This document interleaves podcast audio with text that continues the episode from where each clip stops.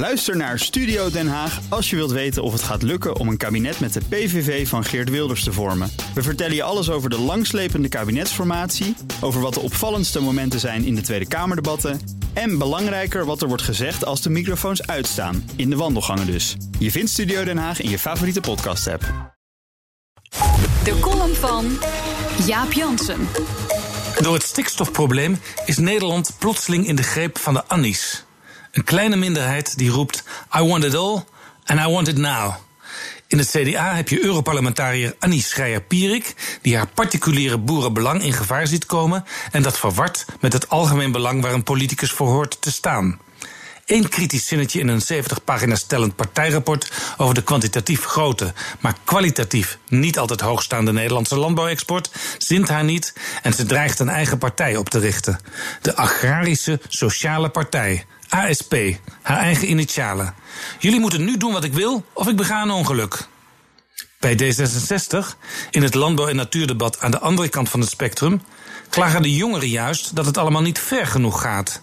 In plaats van 130 nog maar 100 rijden op de snelwegen, 90 moet het zijn. I want it all, I want it now.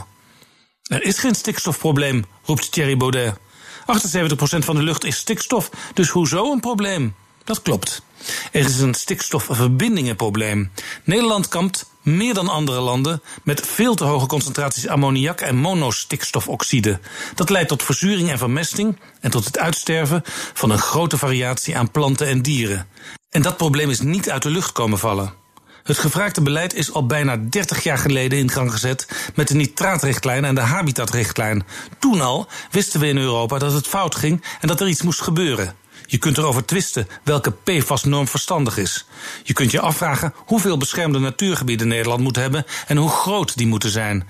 Maar je kunt niet je kop in het zand steken als je weet dat iets fundamenteel misgaat. In de media en in het parlement lijkt het soms of heel Nederland boos is. De trekkers bepaalden het beeld. Maar als Annie haar eigen boerenpartij opricht en alle boeren stemmen erop, haalt ze amper twee kamerzetels.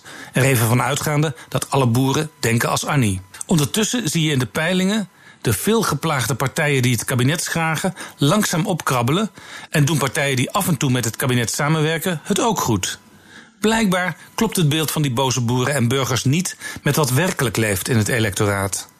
Hashtag rotmaatregel, twittert de VVD. De liberalen omarmen het deze week geformuleerde begin van een nieuw beleid nog niet van harte, maar ze staan er wel voor. Eén stap verder en we krijgen politici die een kritische analyse durven maken met stevige maatregelen en die ook echt voluit durven verdedigen.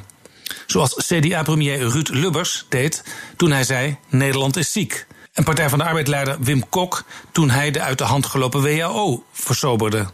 Ze wisten dat ze zich er niet meteen populair mee maakten, maar ze stonden voor het algemeen belang. En uiteindelijk schreven ze geschiedenis.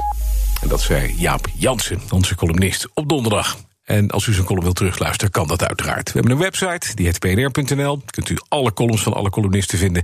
En uiteraard kunt u die ook vinden als u de BNR-app heeft gedownload. En daarmee kunt u, eh, heeft u meteen toegang tot alle podcasts van BNR. Ook Diana Matroos vind je in de BNR-app. Ja, inderdaad. Je kunt live naar mij luisteren tijdens de Big Five. Ook handig in de BNR-app. Breaking nieuwsmeldingen, maar ook het allerlaatste zakelijke nieuws. En je vindt in de app alle BNR-podcasts, waaronder Wetenschap Vandaag. Download nu de gratis BNR-app en blijf scherp.